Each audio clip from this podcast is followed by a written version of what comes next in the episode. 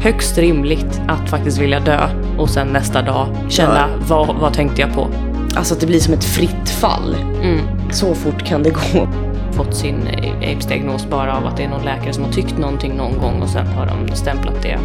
Som det är så, in, så intensiva, dels svängningar men också Instabiliteten i identiteten som man inte riktigt känner att man, eh, man finner ingen fast punkt. man känner sig rotlös. Ja.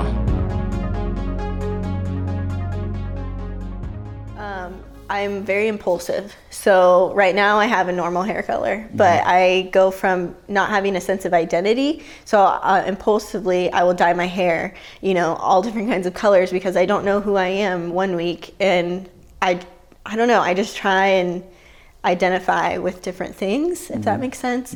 Um, so there's that. I have, um, I'm constantly terrified that people are going to leave me, like my boyfriend. Um, I'm, I have dealt with like abandonment so much in my life that I think that has a huge, you know, contribution to like how I am today with that. Um, I'm constantly worried about him leaving me or, you know, my friends leaving me. Um, I do what's called splitting, which is black and white thinking. So I will go from really loving someone, like one of my friends, wanting to talk to them all the time, like, you know, placing them on a pedestal pretty much. And then if they do something wrong or if they make me feel bad or they don't text me back, I'll go from loving them to absolutely hating them, I guess you could say.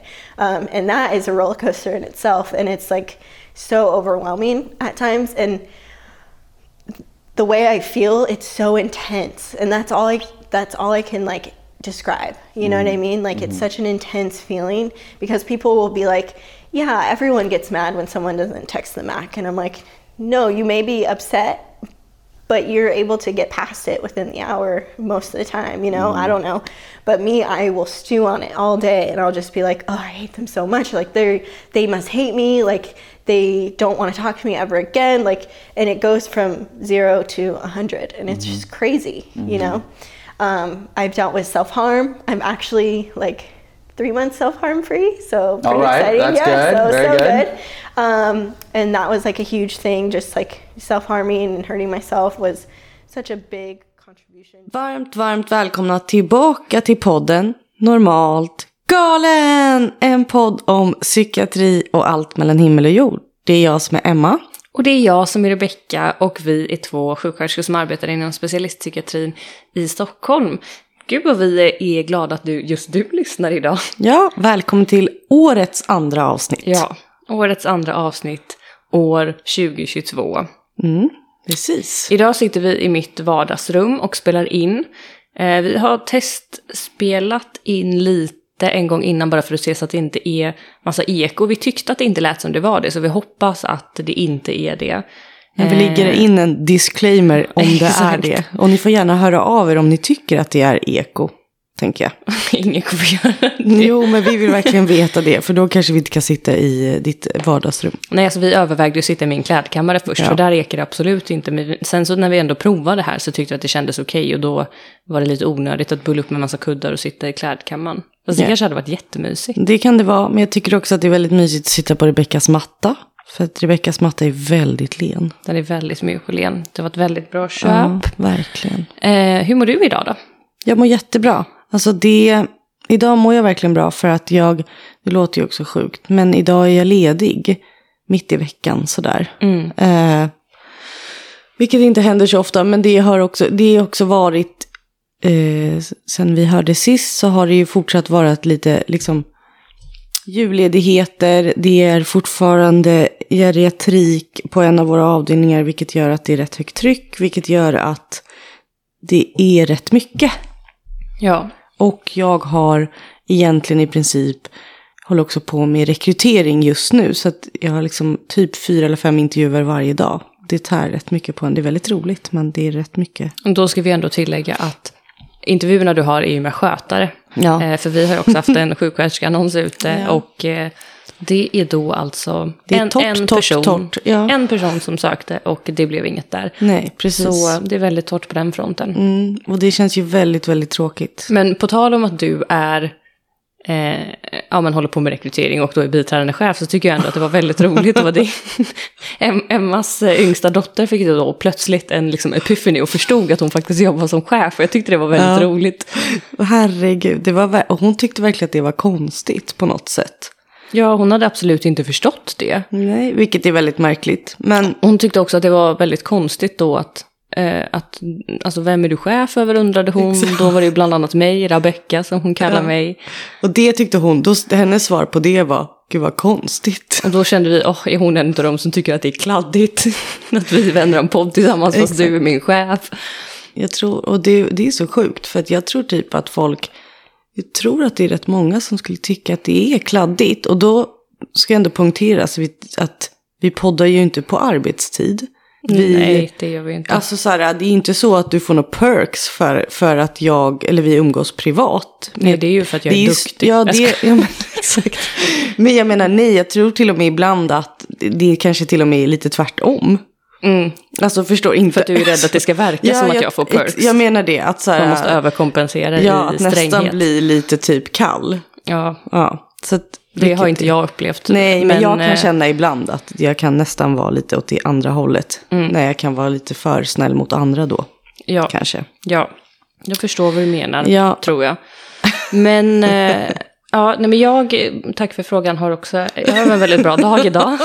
eh, och eh, kan ju skriva under på allt som du har sagt, även om jag då inte håller på med bemanning och sånt så mycket. Eh, så har det ju varit mycket liksom, det Ja. senaste. Och eh, jag hade ju ett litet rage-utbrott på Instagram i helgen efter att ha jobbat eh, på grund då av att, eh, ja men som sagt det här med geriatrik och den avdelningen på vår klinik som har fått ställa om till geriatrik är våran avdelning som i vanliga fall har psykogeriatrik, det vill säga psykiatriska patienter över 65 år.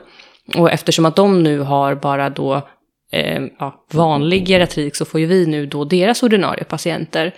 Och eh, har då, eh, det har råkat sammanfalla så att vi har fått eh, patienter som har haft väldigt mycket, alltså stort omvårdnadsbehov och varit somatiskt ganska sjuka och sådär. Eh, så det har varit, eh, det har varit mycket. Ja, och jag, nu suckar jag, men det är bara... Det är, men det är en det stor är liksom inte, inte... Ja, och jag kan tycka ibland så här... ah, Nu har vi ju pratat om det, men just det här i att... Och det, är- det är ju mycket, mycket liksom på sjukvårdsupproret också, när man, alltså på Instagram eller överallt. Att det är så här, ah, det här är ju inget nytt. Det här är ju inte coronarelaterat, att det blir så här. Nej. Alltså, eh, vilket gör det ännu mer...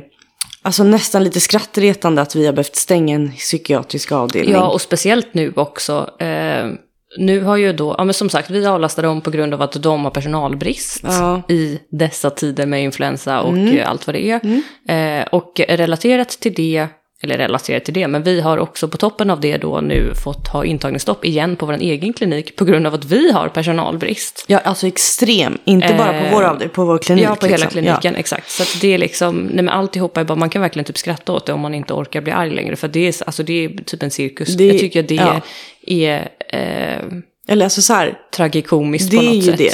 Så här, på, och på golvet eller liksom på vården. Vården sköts ju, det är inte det. Men det blir ju cirkus då. Sen är man så här, det blir politikernas så här, vad håller ni på med? För, för i helvete, man får inte svära. Men det känns Mm. Det verkligen får man så. faktiskt. Ja.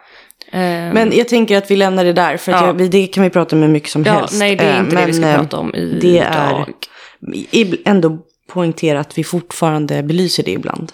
Mm.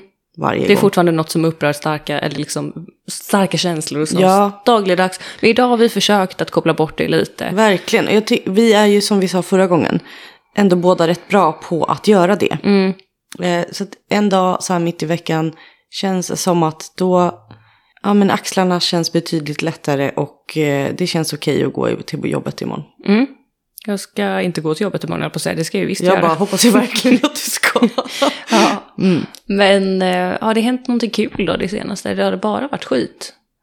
Eh, alltså det som är, nej men det som är, jag kan tycka det som är roligt apropå det här med rekrytering, det är att faktiskt att träffa duktiga personer. Alltså som man ändå tänker sig när man intervjuar, att man bara wow. Det här kommer bli bra. alltså liksom. verkligen. Mm. Eh, och nu har jag träffat några sådana som man känner så här, ah, det här kommer bli bra. Sen vet man ju, alltså det är inga garantier. Men eh, det tycker jag är väldigt roligt. Mm. Eh, att känna att man blir lite upplyft av det. Mm.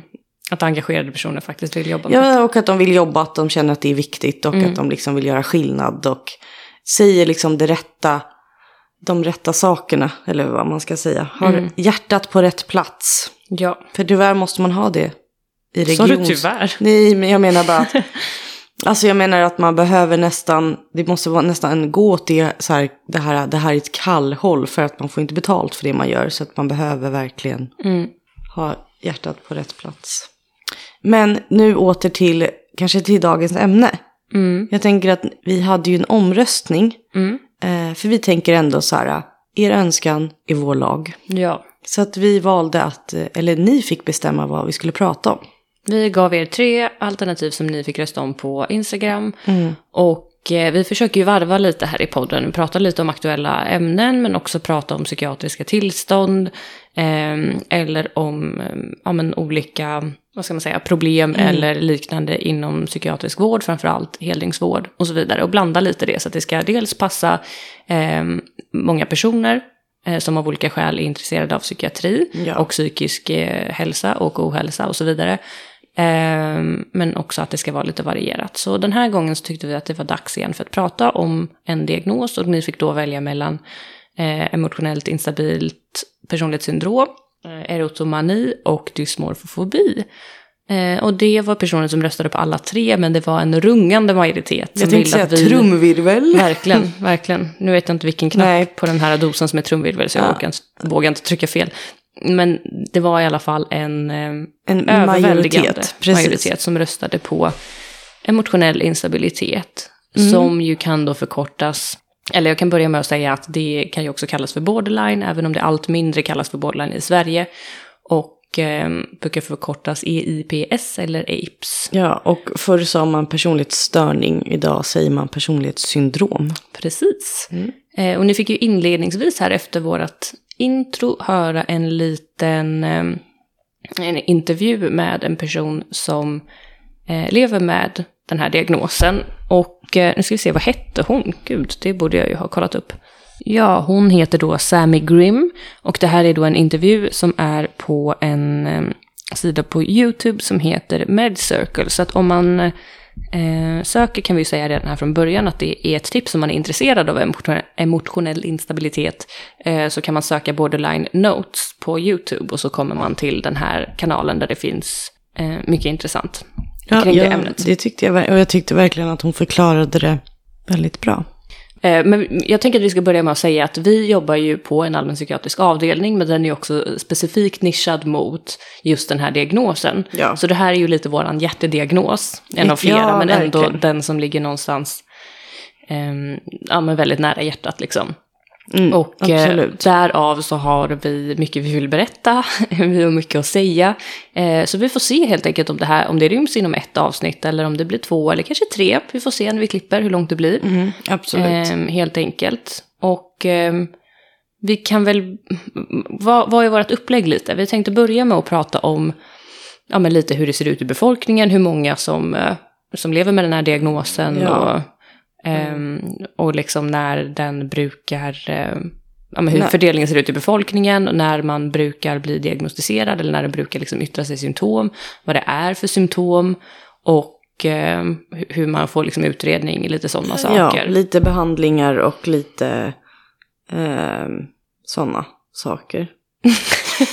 Ja, exakt sådana saker. Jag kände att jag bara Behan- behandling. funderade på vad du hade sagt, det var ja, därför. för du lyssnar inte, du Nej. lyssnar aldrig på mig. Nej, ja, men behand, inte. behandling i alla fall och Ja. eh, sen så såklart utifrån vårt perspektiv i heldygnsvården Ja. när det kommer till typ eh, ja, men bemötande och fördomar. Lite, lite smått och gott så får vi se. Det här är, vi har liksom en ram vi utgår ifrån men sen Mm. så kommer det ju alltid upp saker under Ja, jag tidens tänker gång. att vi brukar ju spåra ut tänkte jag säga. Jag menar att vi brukar Lite väl. Vi brukar sväva ut på olika saker. Eh, så det kanske vi gör och så hamnar vi tillbaka. Men vi har en ram som vi har bestämt hur vi ska gå ut efter. Ja, men ska vi börja med lite siffror då i alla fall? Ja, och, vi, och då tänker jag så här. äh, Jag, jag, tänk, jag trodde nog, alltså rent spontant kanske innan jag har jobbat, nu mycket med den här diagnosen, men innan dess att det var betydligt vanligare än vad det är. Alltså i befolkningen i stort. När, när trodde du det menar du? Alltså in, precis när jag började jobba inom psykiatrin kanske. Jaha, men du inte, tänker så. Alltså Ja. inte innan, men innan jag var kanske utbildad och innan specialist och allt sånt. Så trodde jag nog att eh, det var mycket vanligare än vad det är. Och att man var mycket yngre när man fick diagnosen. Mm. Men vi kan ju säga att man räknar på att det är ungefär 1-2% på hela Sveriges befolkning som lider av personlighetssyndrom. Ja. Eller emotionellt personlighetssyndrom. För det här är ju, det finns ju fler personlighetssyndrom. Men vi tänkte att vi, det här är bara om emotionellt. Ja, precis. Vi har ju ett, eh, ett avsnitt som bara heter personlighetssyndrom där vi pratar mer generellt om personlighetssyndromsdiagnosen. En del av det vi pratar om där kommer säkert återkomma här. Ehm, Men, ehm, men här kommer vi prata specifikt om emotionell instabilitet. Eh, Och prevalensen, eller då förekomsten, alltså hur många i samhället som lever med den här diagnosen, ligger ju, som precis som Emma då sa, på mellan 1 till 2 procent i befolkningen. Eh, Men det finns väl en ganska naturlig orsak till att din upplevelse då i början av din psykiatrikarriär upplevde Ja. att det var mycket vanligare. Absolut.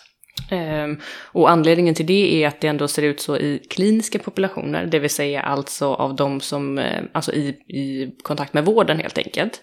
Så brukar man beräkna till 4% i primärvård, det vill säga vårdcentral. Mm. Och eh, sen ökar det vidare då till när man kommer inom specialistpsykiatrin med en öppenvård, ligger det någonstans mellan 10 och 20 procent. Ja, och då när man kommer till psykiatrisk heldygnsvård där vi jobbar så är det faktiskt upp mot 20 till 40 procent. Exakt. Så att absolut, det speglar ju alltså den bilden jag hade i att jag jobbade då framförallt på heldygnsvård. I heldygnsvård. Ja, så är det inte så konstigt att du hade den uppfattningen. Nej. Eh, eftersom att det är väldigt många fler. Sen tycker ju jag att man kan bli ibland, men så är det ju med andra diagnoser också. Det är ju absolut inte bara emotionell instabilitet där man går genom livet och har lite, det tycker jag man kan få en fråga ibland sen när folk får reda på vad man jobbar med. Typ, går du runt och analyserar folk hela tiden, Ja. vad de har för diagnoser? Ja. Eh, ibland. Ja, man, jag ska inte st- sticka under stolen med att det, händer. men, eh, eh, men i jobbet absolut så, eh, Men däremot, apropå det, måste jag bara säga att jag har blivit mycket bättre på att tänka personer har drag av. Ja, det är det jag menar Och vi kommer ju till det också, det här med, vi kommer ju till själva diagnostiseringen, att det är ju ganska mycket jobb på sånt. Så att, eh, så det har jag ändå, försöker jag verkligen tänka på och säga så här, eller nej, i mitt huvud, eller när vi pratar med någon, att någon har drag av. ja och det är egentligen det jag syftar på Ja, också. jag vet. Det var bara ett förtydligande att vi inte diagnostiserar alla vi träffar Nej. på fem minuter. Nej, det gör vi inte. Ehm, Och då kan vi säga att liksom i stort i befolkningen så är det lika, man brukar säga, det brukar säga att det är lika vanligt bland kvinnor och män. mm, Eh, däremot är det betydligt större skillnad när vi kommer till den kliniska prevalensen, alltså i vården. Då är det 75% kvinnor. mm. Så där är det ju en väldigt stor Ja. skillnad då. Och det kan man Ehm, också diskutera om varför det är så. Ja, det kan man verkligen göra. Men jag tänker att det är väl mycket, mycket beror, nu är det här en killgissning, men jag tänker spontant att en av anledningarna i alla fall måste att göra med att precis som vid de flesta andra tillstånd så är kvinnor mer benägna att söka vård än vad män är. Så att, Ja, det tror jag 100% att det är det. Att, så här, jag tänker också att det är... eh, att kvinnor också, att det är mindre stigmatiserat också för kvinnor att söka psykiatrisk vård. I, med dem, jag tror att med den problematiken också, Ja. tänker jag. Att det är ju väldigt, alltså jag, jag tänker mig att, att när folk som inte jobbar inom psykiatrin eller folk, liksom om man, om man säger borderline eller, psyk- eller personlighetssyndrom eller emotionellt personlighetssyndrom, då tror jag att de flesta skulle relatera till en tjej. Mm. Alltså också att jag, det är det jag menar att om man då som man alltså tyvärr har de svårigheterna så söker man inte heller vård för att det är också skamligt att typ, ja, man har kvinnliga symptom. Förstår du vad jag, förstår du Alltså vad jag du är menar ute även efter? utan diagnos då? Utan bara Ja, alltså själva, jag menar ni själva, Ja. alltså när man, om man då skulle kunna läsa på och inser att så här, det här är inte, man ska inte behöva må så här, det Mm. är någonting liksom, då menar jag att eh, kvinnor kanske söker hjälp och då, men de söker kanske hjälp också, men i lägre utsträckning för att man associerar de här, de här, den här problematiken till kvinnor. Mm. Alltså att det blir också skamligt. Först att det, det blir stigmatiserande att jag måste söka psykiatrin. Och sen blir det stigmatiserat för att eh, man är man och lider av kvinnliga symptom. Förstår du vad jag menar? Ja, jag alltså, förstår vad du menar. Ja.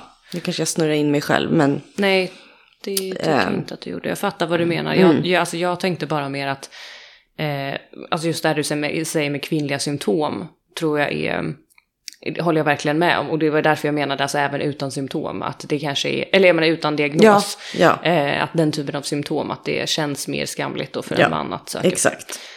På tal om i alla fall manligt och kvinnligt då, om vi fortsätter vidare på det Mm, Ja. spåret, så är ju det här en diagnos, som många andra psykiatriska tillstånd så är det vanligt med samsjuklighet. Jättevanligt. Eh, och det gäller även vid eh, emotionell instabilitet.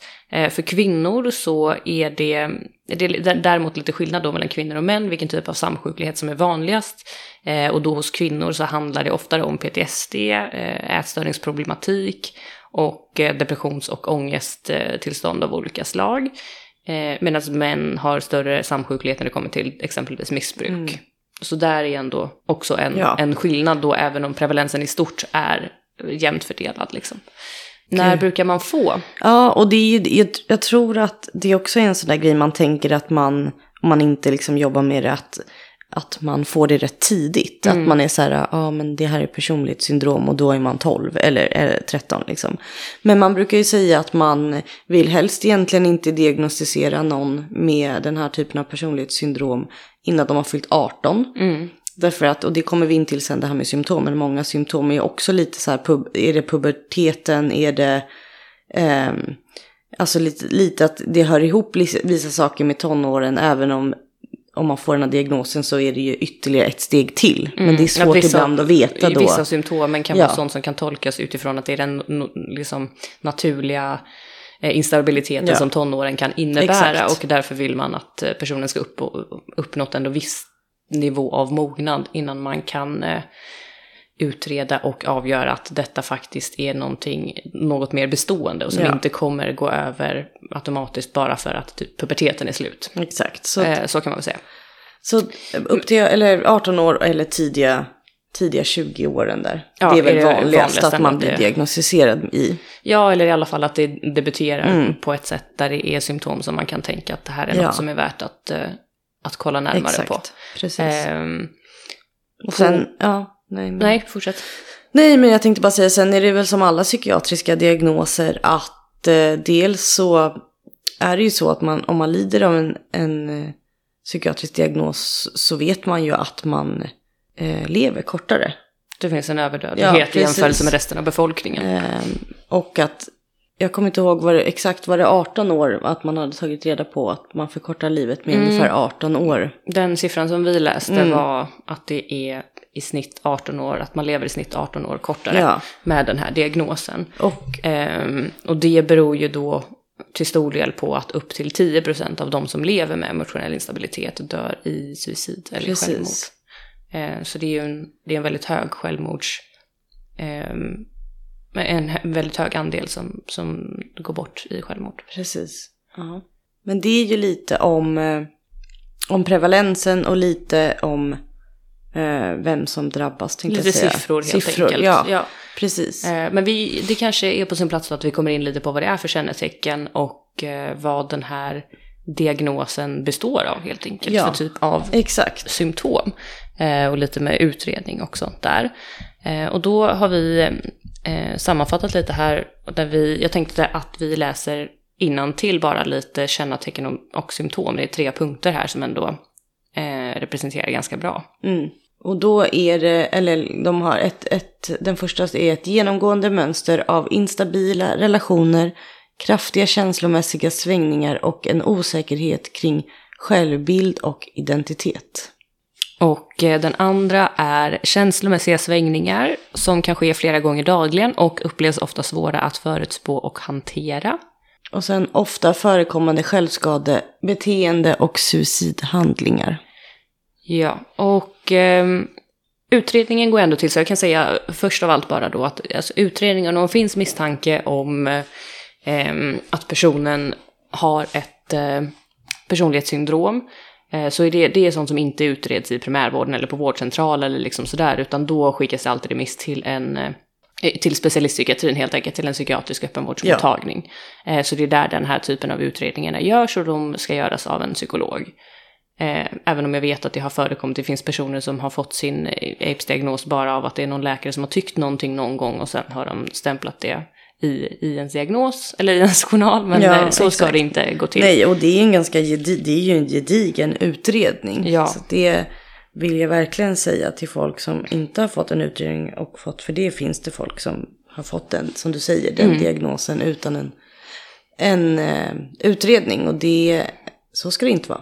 Så ska det inte vara. Men utredningen består då helt enkelt först i eh, att man, eh, man kan säga att den består av två delar, där den första delen är att man eh, utreder eller går igenom en, eh, ett antal då kriterier som är de liksom generella kriterierna för personlighetssyndrom. Det vill säga de ska man uppfylla oavsett vilken personlighetssyndromsdiagnos man sen går vidare till om man gör det. Ja. Så måste man först börja med de här gener- generella kriterierna för att bedöma om patienten uppfyller dem och avgöra utifrån det då om det finns anledning att eh, gå vidare och i så fall mot vilket håll det pekar. Liksom.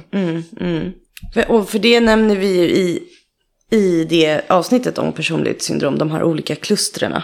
Så att det är beroende lite på vilket kluster man hamnar i på de här generella och utifrån det så väljer man den fördjupade Exakt. utredningen liksom. Så i vårt avsnitt eh, generellt om personlighetssyndrom, ni kan lyssna på det om ni inte har gjort det redan och är intresserade lite mer om, eh, om just det där hur man kommer fram till vilket håll och vilka olika pers- andra personlighetssyndrom det Ja. finns eh, och hur de är ihop eh, klumpade i de här klustren och sådär. Exakt. Ehm, Men de här, om man sammanfattar de här gener- generella kriterierna då, ehm, så är en sammanfattning att det är symptom då som ska vara varaktiga och oflexibla, eh, att personen ska vara avvikande från individens sociokulturella miljö och att symptomen ska påverka sättet att tänka, reagera känslomässigt, fungera interpersonellt eller eh, att det påverkar förmågan till impulskontroll.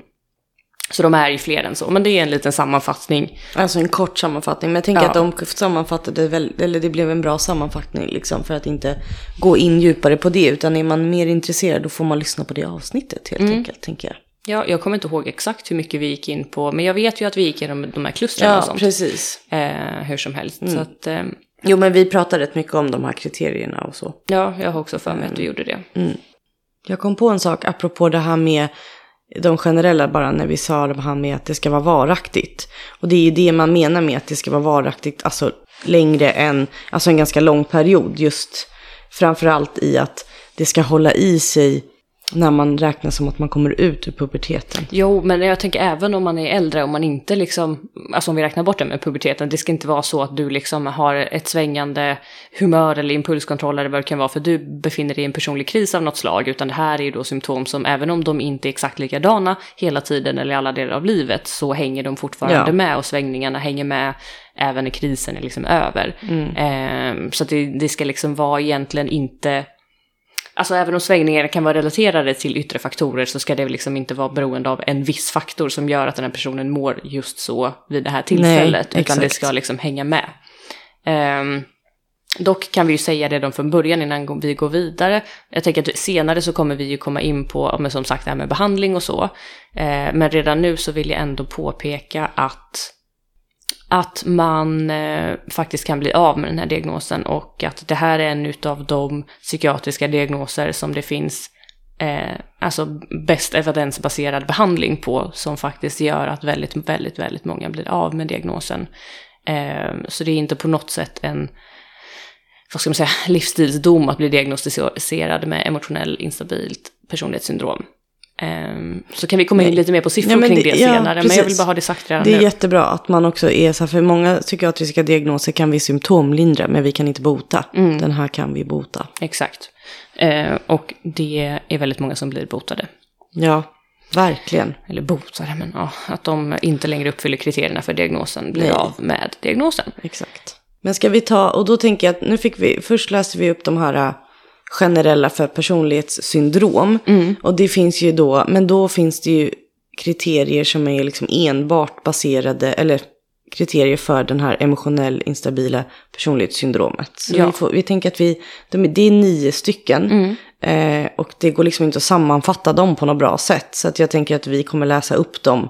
Alltså, Så kommenterar vi lite exakt. as we go along, Ja. helt enkelt. Men eh, borderline personlighetssyndrom eller emotionellt instabilt personlighetssyndrom är ju helt enkelt då en, det är en diagnos som karaktäriseras av ett men, genomgående mönster av påfallande instabilitet eh, med avseende på mellanmänskliga relationer, på självbild och affekter, alltså känslor helt enkelt, eller känsloyttringar. Eh, och den här problematiken visar sig då i ett flertal olika situationer och sammanhang från, som du redan har nämnt då, från tidig vuxen ålder och tar sig minst fem av följande uttryck i de här nio kriterierna då som vi helt enkelt kommer gå igenom. Eh, mm. Och eh, du kan väl börja med den första? Ja, absolut. Eh, kriterie ett då är göra stora ansträngningar för att undvika verkliga eller fantiserade separationer. Mm. Och där, det var ju hon lite, den här eh, kvinnan då i det inledande klippet var inne lite på det. Jag tycker alltså hon, att hon beskrev det rätt bra, eller ja. rätt. Jag tycker att hon beskriver det väldigt bra utifrån de, de patienterna som jag har träffat genom åren. Mm. Att just det här att, just det här fantiserade separationen. Mm. Eh, just det här att man, att man får någon sån här, eh, typ att om någon inte svarar inom en vissa minuter eller att Eh, man, man kanske uppfattar ett sms att det är eh, en viss ton i det fast det inte ens är det. Alltså, mm. Och det blir att man fantiserar och fastnar vid det och sen tror att personen kommer lämna en. Jag övertolkar eh, liksom andra mm. människors signaler på olika sätt och tolkar väl överlag alltid dem till det negativa och att människor då på olika sätt då försöker överge eller inte eh, uppleva att eh, ja, men överlag liksom en, en, en, dålig självkänsla på något sätt som yttrar sig i att känna att ingen vill egentligen vara med mig eller den kommer lämna mig så fort den bla bla bla ja. eller vad som helst. Ja, jag, jag, även om man har, säger att man har en lycklig relation och liksom mm. så att man ändå tänker att man är egentligen inte värd den här, han kommer, han eller hon hen kommer mm. att lämna mig mm. för att jag är en dålig person. Ja, exakt. Eh, så. Eh, och där tänker jag både det här verkliga och fantiserade. Att mm. verkliga, både det att man har eh, väldigt, väldigt svårt att hämta sig från och acceptera verkliga separationer av olika ja, slag. Alltså en absolut. avslutad vänskap eller relation, kärleksrelation eller dylikt. Eh, men också de här fantiserade, just på grund av de här extrema osäkerheterna att, eh, att den här personen som, som ehm, har sådana här symptom då går runt och liksom har katastroftankar och liksom verkligen fantiserar ihop olika scenarion ja. till eh, hur den här vännen eller den här eh, flickvännen eller vad det kan vara då egentligen vill och kommer göra slut. Och det spelar ibland, det spelar ingen roll hur mycket den här eh, alltså partnern eller vem det nu är försöker bevisa att det inte kommer vara så. Eh, eller liksom nej, bekräfta nej, eller så här, utan den den liksom känslan av eh, rädsla för övergivenhet kan liksom inte, den kan tillfälligt kanske lindras men den, den liksom går inte över. Eh, så. Och då, då, det hakar ju lite in i, eller lite, men i kriterium två, mm. där det är uppvisar ett mönster av instabila och intensiva mellanmänskliga relationer som kännetecknas av omväxlande extrem idealis idealisering respektive extrem nedvärdering. Mm. Um, och det är ju också det att så här, man kan höja en, det, det, förklarade hon ju rätt bra också, det här mm. med att man höjer en kompis till eh, skyarna och man liksom tyr sig till, man, det är den enda man vill vara med. Eh, men det kan också vända väldigt fort till att man liksom hatar den här personen, man vill absolut, de har förstört ens liv. Eh, man vill absolut inte höra något från det. Mm. Och att det är inte liksom en form av ett sätt att få uppmärksamhet, utan det är så den personen genuint känner där och då. Ja, det är ju känslorna, och den kan precis. Exakt, genuint känna något helt annat om fem timmar. Ja. Um, men, men att det är det här som hon då beskriver som splitting, alltså det här mm. att det är ett väldigt svartvitt tänkande när det kommer till, um, till relationer i ens liv helt enkelt. Ja. Uh, en annan grej kan ju vara till exempel det här, alltså Eh, det står inte bara instabila utan också det här med intensiva mellanmänskliga relationer. Att det också kan vara att fästa sig vid en annan person väldigt, väldigt snabbt. Eh, känna väldigt, väldigt starkt för den här personen. Eh, snabbt till exempel kan jag också gå in under den punkten. Och det är ju väldigt vanligt. Det är väldigt, väldigt vanligt. Och att väldigt snabbt då på något sätt uppleva att man är... eh, Men att man är förälskad, att man är kär. Att Ja, eller är i behov av den här andra ja, personen. eh, Liksom, man behöver den här människan för att kunna överleva. Det är Exakt. liksom den känslan det är. Mm. Ja. Och det är heller inget man kan styra över. Det är den känslan som infinner sig. Sen har vi då punkt eller kriterie nummer tre som är identitetsstörning. Eh, och där står det uttalad och ihållande instabilitet med avseende på självbild eller känsla av sammanhållen personlig identitet. Ja, och det var väl också lite det hon pratade om i början. Det här med att så här, hon är väldigt impulsiv men hon, vet, hon söker ofta efter sig själv. Det är därför hon till exempel, hon hade ju som exempel att hon färgar håret. Typ idag har jag normal hårfärg men imorgon vet jag inte. Eller om Nej. fem timmar kanske jag färgar håret rosa för det känns rätt då. Eller då kanske jag eh, identifierar mig med någon som har rosa hår och då behöver jag också ha det. Ja, ett, det kan ju liksom såklart ta sig en mängd olika Ja. uttryck, men, men gemensamt ändå för det att det är ett ständigt sökande efter en samhörighet Ja. eh, som man aldrig upplever sig finna, liksom, och därför hela tiden ja, men, känner sig liksom rotlös, eh, vet inte vem man är, vet inte vad man liksom står för, känner, tycker på olika sätt. Mm, ja, Samtidigt som det också går väldigt fort. Att man, om man nu bestämmer sig för att känna och tycka, eller känna, men tycka någonting. Då brinner väldigt starkt för brinner det. Liksom. väldigt starkt för det och går all in för det. Mm. Eh, så. Och sen så känns det till slut inte riktigt rätt och man vandrar och söker vidare. Ja. Eh, helt enkelt för att, ja men just den här eh, instabiliteten i identiteten som man inte riktigt känner att man, eh, man finner ingen fast punkt. Man känner sig rotlös. Ja, exakt. Punkt nummer fyra. Precis. Det är då visar impulsivitet i minst två olika avseenden som kan leda till allvarliga konsekvenser för pers- personen själv. Och då kan det till exempel vara slösaktighet, sexuella äventyrlighet, drogmissbruk, vårdslöshet i trafiken eller hetsätning. Ehm, ja, Ja, det, nu gav de ju, eller nu blev, stod det ju exempel, så där vet jag inte om vi behöver gå in så mycket på nej. vad man menar. Nej, exakt. Eh, det kommer ju komma en... Eh, alltså det finns ju en separat punkt. Nästa punkt handlar ju om... Eh, eller ja, det finns, det finns ju separat om typ så här självdestruktivitet i olika Ja, sätt. precis. Och, men jag tänker att här, det går ju typ in lite i den här punkten. Eh, att det kan vara dels, om jag tänker exempelvis det här med typ sexuell äventyrlighet. Det är ju någonting som jag upplever att man stöter på väldigt ofta. Och då framför allt när det kommer till, är min erfarenhet i jobbet när man träffar patienter. Eh, att det är eh, om den här, som de uttrycker det då, sexuella äventyrligheten ofta har ett destruktivt syfte. Ja. Att det är liksom en eh, impulsivitet i liksom frekventa, eh, eller det behöver inte vara frekventa, men liksom många fler än vad den egentligen känner sig bekväm med. Då, sexuella kontakter som sen orsakar ångest eh, Ja. efteråt Exakt. på olika sätt. Eh, och sen också det här med att de är destruktiva i att man inte är värd bättre. Mm, exakt. Eh, så. Ja, och det här impulsiviteten är väl egentligen den som är den allra vanligaste som gör att det finns en hel del feldiagnostisering mellan ADHD och emotionell instabilitet. Ja, alltså de som absolut. felaktigt får en APES-diagnos eller en ADHD-diagnos och egentligen borde ha den andra. Ja. Eh, även om man sj- självklart kan ha båda två. Eh, det finns det ju en del som har också. Eh, Och det kan jag säga, det är ju inte jättemånga år sedan som man faktiskt har kommit fram till att, att det går. att det går. Utan det var väldigt mycket, eller det har varit väldigt mycket antingen eller. Så Ja. att många, jag tror ändå att många eh, personer som har haft emotionell instabil personlighetssyndrom, som har man sen visat sig att de har en ADHD-diagnos också. I och med att impulsiviteten finns fortfarande kvar. Och sen tänker jag här dessutom, hon till exempel ehm, i, i det här klippet som vi hörde från början, nu är inte det med i den delen vi spelade upp, men hon nämner ju också att hon från början, hon hade haft i flera år en eh, bipolär sjukdom, eller diagnostiserad bipolär sjukdom. Eh, sen så när, hon, när de till slut kom fram till att det var emotionell instabilitet så insåg ju hon, eller då tyckte hon att det var en lättnad för hon insåg att det var egentligen det här hon, hon hade. Men jag tänker att impulsiviteten kan ju också vara en sån sak då som gör att det kan förväxlas för den typen av diagnos. Alltså jag tänker med typ slösaktighet i pengar och även det här eh, sexuella kontakter och så vidare. Så det, Ja. ja.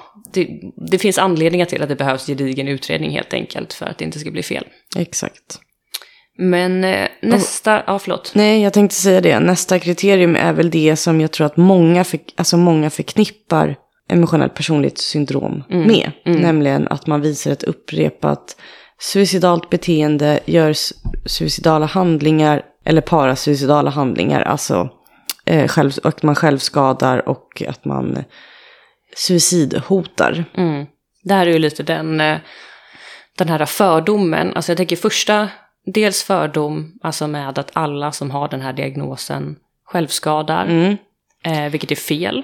Ja, För det första, alla som självskadar har inte emotionell instabilitet och alla som har emotionell instabilitet självskadar inte. Eh, Nej, och sen tänker jag också självskada i det här bemärkelsen är ju betydligt vidare än vad man kanske tänker. Man tänker nog att man självskadar att man typ skär sig. Eh, men då, alltså man kan självskada på väldigt många olika sätt. Som inte är att man just skär sig i huden. Men den här, som sagt, den här, det här kriteriet är ju ändå det, ett, som du säger med fördomar, att man, eh, man tänker att alla som har den här diagnosen har ett självskadebeteende eller ett alltså upprepat suicidalt beteende eller ett parasuicidalt beteende att man gång Vad är då ett parasuicidalt beteende? Att man- Sitter nog många undrar. Ja, men att man gör suicidhandlingar men intentionen när man gör dem är inte att man vill dö. Mm. Så. Och det kan ju vara till exempel då, ja men förutom då skära sig, men så träffar vi ju ofta personer till exempel som väldigt frekvent intoxikerar sig, alltså tar överdoser av olika slag. Ja. Eh, och eh, alltså även om det såklart kan gå väldigt fel, i många självdestruktiva handlingar kan ju gå fel och kan Absolut, sluta i absolut. död, vilket också är Det är det Eh, som är farligt. ja. Alltså inte bara. Men jag menar det, det kanske är det som gör att folk också dör. att, att självmordsfrekvensen är så hög. Ja, jag tänker det. Att, nu, det var bara en killgissning. Mm. Och det man, jag vill säga också med det här, äh, alltså upprepat suicidalt beteende och det, det är ju det, det här är ju också något som folk, folk, men att man får väldigt mycket fördomar i att de här, de här handlingarna, alltså att man suicidhotar eller att man självskadar eller att man som sagt gör parasuicidala handlingar handlar om att man vill ha uppmärksamhet, att man spelar ut. Ehm, att man eh, liksom så. Och Att det är ett manipulativt beteende, Precis, att man vill få folk att liksom ordet jag letar efter, precis. eh, göra saker eller tycka synd om henne och så Ja. vidare. Och därför då använder sådana här starka saker som att typ säga att man ska ta livet av sig eller att man inte, att man kommer eh, ta livet av sig om man, någon gör slut eller, Ja. Eller vad det nu kan handla om. Och det, det handlar ju absolut inte om manipulation. Det handlar ju om att det väcker så pass stark ångest att man inte har några verktyg eller vet hur man ska Mm. Det är göra. ju desperation. Ja. Så det vill jag sagt när vi läste upp det där. Det kommer vi komma tillbaka till, tänker Mm. Ja, jag det också. kommer vi göra. Men jag tycker det är, det är bra att du sa det där ändå. Sen har vi då punkt 6. Är affektivt instabil, vilket beror på en påfallande benägenhet att reagera med förändrad sinnesstämning, till exempel intensiv episodisk dysfori, instabilitet eller ångest som vanligtvis varar några timmar och, en, eh, och endast sällan längre än några få dagar. Så den handlar helt enkelt om, alltså affektivt som sagt, känslomässigt, oj, känslomässigt instabil. Eh, och det är ju helt enkelt det här då att du kan en viss händelse eller en, någonting som du tror händer eller något, oavsett om det har hänt på riktigt eller du har eh, liksom fantiserat ihop eller liksom katastrofkänslor kring någonting, eller det här med relationer, någonting som ändå skapar, eh, orsakar ett starkt känslopåslag hos den här personen blir extremt intensivt. Eh, men kan också skifta extremt fort. Eh, så den häng, det, det är ju lite, hänger ihop liknande kring det vi sa på den här med just med mellanmänskliga relationer. Ehm, och det här liksom svartvita tänkandet, att så är det liksom lite i känslolivet överlag om man har just de här symptomen. Ja, och också att det kan vara, jag tänker att det kan ju vara en sån grej som är lite svår att relatera, eller förhålla sig till. Eh, det här med att det går så jäkla fort också. Att så här, det går fort och att man inte riktigt, eftersom liksom det här med att det är Eh, att man, nej men att det går fort och att man inte riktigt är med på att, som du säger, det blir svart eller vitt. Men att det kanske egentligen är grått någonstans. Men att man inte har den förmågan att kunna se det på Ja. det sättet. Kommer att tänka på till exempel där för någon månad sedan eller två, eller när det nu var, eh, när vi föreläste för de här sjuksköterskorna i somatiken på, Ja, eh, på sjukhuset där vi jobbar. Då var det ju någon som ställde, för då fick de ju ställa frågor, och en av de frågorna som en tjej där ställde var att hon, hon tyckte det var så jobbigt för att ibland när de hade, hon jobbade på någon form av eh, ja, men medicinavdelning eller liknande. Och hon sa det att så här, ibland när vi har patienter som har kommit in och de har gjort ett suicidförsök och sen så kommer det en, ehm, en psykkonsult och träffar och bedömer den här personen och så får den gå hem. Och hon hade så svårt att förstå det här, mm. hur kan det vara så? Den här personen vill ju ta livet av sig, eh, hur kan man bara skriva ut och så vidare. Och det kan ju såklart finnas massa olika orsaker till det, men en sak då som vi ändå svarade där var just det här, och det tror jag att man kan ha svårt, eller det jag vet att man kan ha otroligt svårt att eh, leva sig in i det. Och jag har ju själv svårt att leva mig in i det, även om jag faktamässigt vet att det är så. Men mm. jag kan ju inte relatera, relatera till hur det känns att uppleva det. Just det här att, att det kan vara så intensivt och så extremt svängande att du på fullt allvar, det var något förhållandevis litet, eller även för den här personen i efterhand kan det kännas litet och obetydligt, men någonting inträffade som totalt liksom sätter personen i gungning. Eh, så pass mycket att liksom det finns, nej men det finns ingenting nu, nej men nu, nu ska jag dö. Eller typ, ja. eh, oavsett om det liksom är, ibland är det ju en, en intentionen är att säga, nej men nu kan jag inte leva längre, nu ska jag dö. Och ibland är det bara någon form av impulsivitet som gör att man, man tar den där näven tabletter eller vad det nu än kan vara. Eh, och att de känslorna faktiskt är så starka och så på riktigt. Men sen så får man sova en natt och sen så pratade man lite med den där personen man blev arg på. Eller någonting annat positivt hände. Eller helt enkelt att det bara passerade några timmar och så helt plötsligt så har det liksom svalnat. Och eh, sen är allt som vanligt igen. Ja, ja Och precis. det är ju liksom, där är ju någonting som är ändå väldigt, eh, ja men det är svårt helt enkelt att leva sig in i eller relatera till det, förstå det, hur det känns. Men för många personer som lever med den här typen av problematik så är det högst, högst rimligt att faktiskt vilja dö och sen nästa dag känna ja. vad, vad tänkte jag på? Jag har ju massor att leva för. Eh, så. Ja, precis. Det behöver inte ens vara nästa dag. Det kan Nej, vara om några timmar. Det kan absolut vara om några timmar.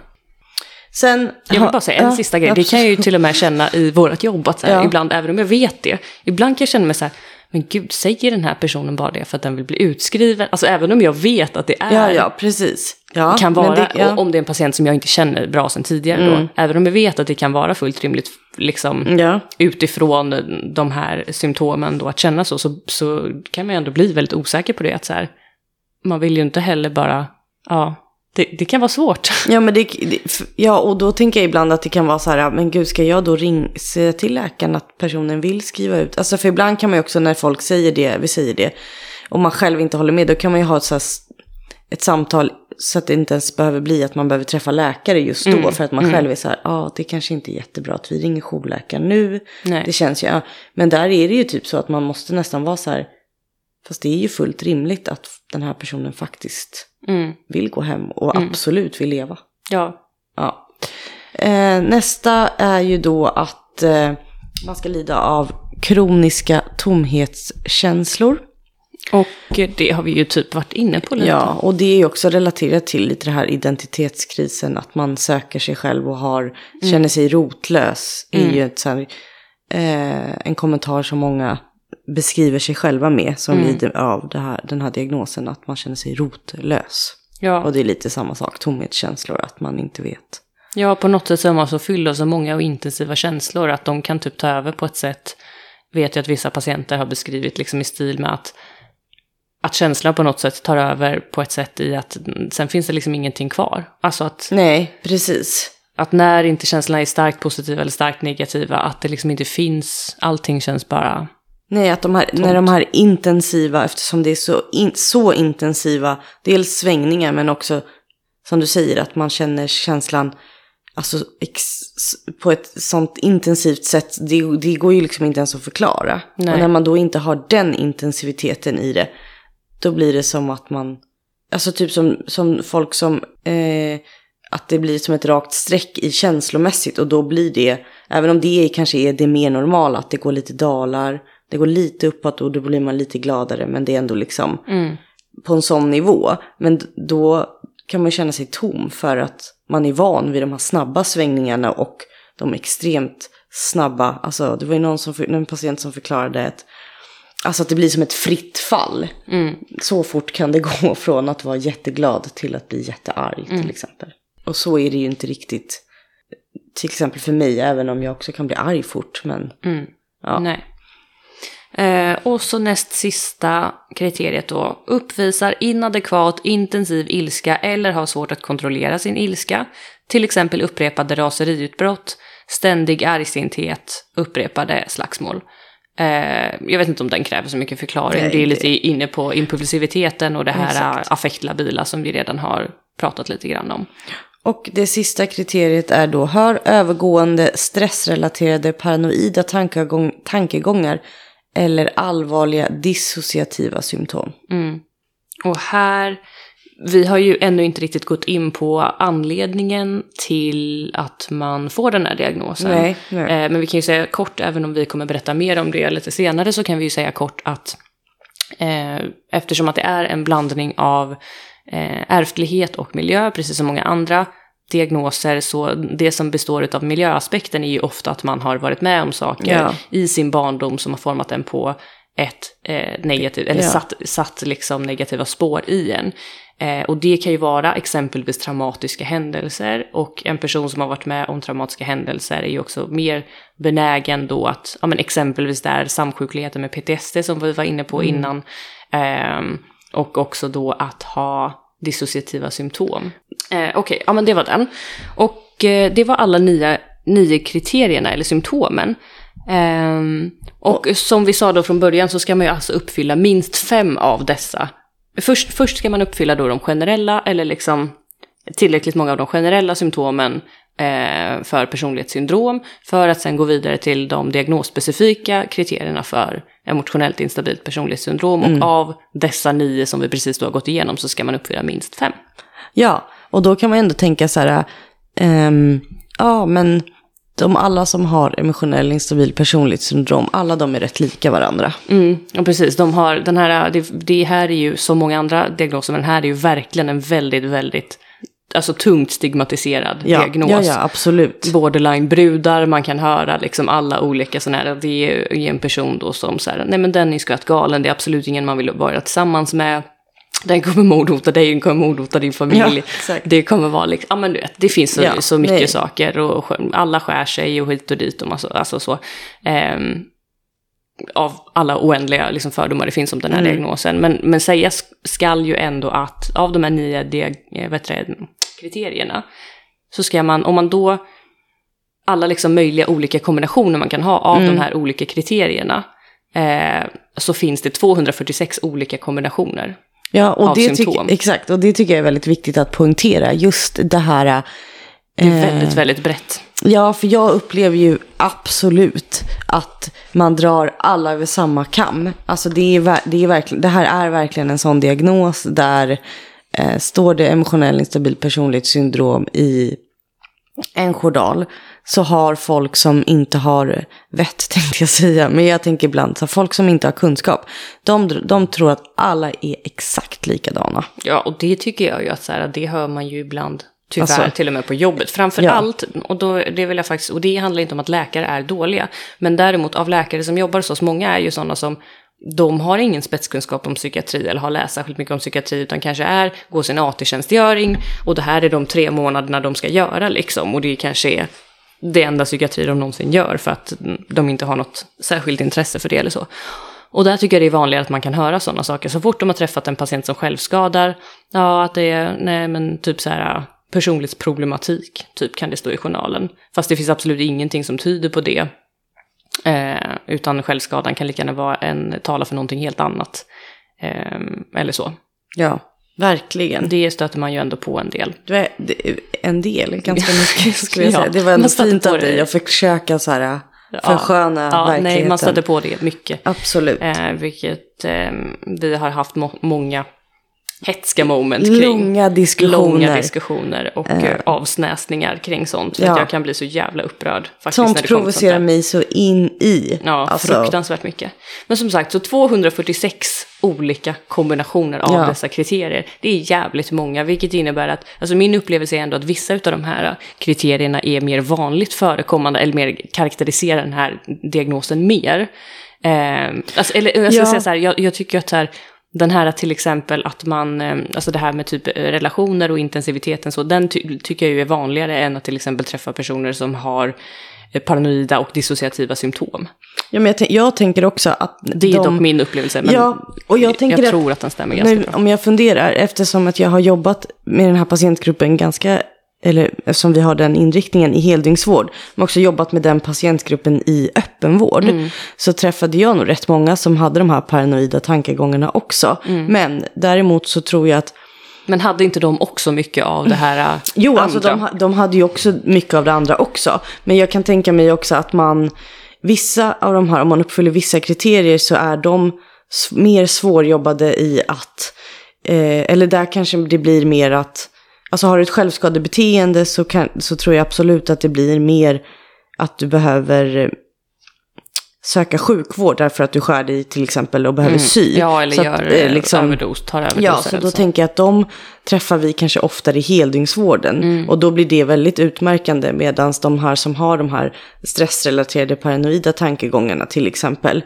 de eh, kanske ändå klarar av att vända det om man har en öppen vård. Mm, ja, men det Så. håller jag med om. Absolut. Ehm, men jag, eh, de här snabba svängningarna, det Mm. tycker jag liksom, det karaktäriserar alla nästan jag har träffat. Ja, exakt. Ehm. exakt. Sen kan det påverka olika delar av livet Ja, olika mycket. absolut. Men, men i, i någon hetsig form så finns de alltid där. Nu ska se hur jag ser ut. Ja. Ja. Ehm, frågan är om vi ska sätta punkt för detta avsnittet här. ja, jag tänker kanske det. Nu har jag inte, ser jag inte framför mig hur länge vi har pratat, men det känns som att det är ett tag. Ja, Nej. men jag tänker att det, det känns som att det blir ett bra break Mm. i, i avsnittet. För att annars kommer vi komma in på något och då, kommer vi, då blir det väldigt långrandigt. Ja, så kan vi inte klippa där. Nej. Nej. Så det, vi får göra så. Mm. Vi ska ta en liten matpaus, Ja. en liten kisspaus. Mm. Eh, och sen ska vi försöka spela in del två av det här avsnittet så att det inte blir några långa uppehåll. Nej, exakt. Så Vi hörs Vi- snart, men i verkligheten hörs vi om ett tag. precis. Vi säger tack och hej leverpastej. bye bye. Bye bye.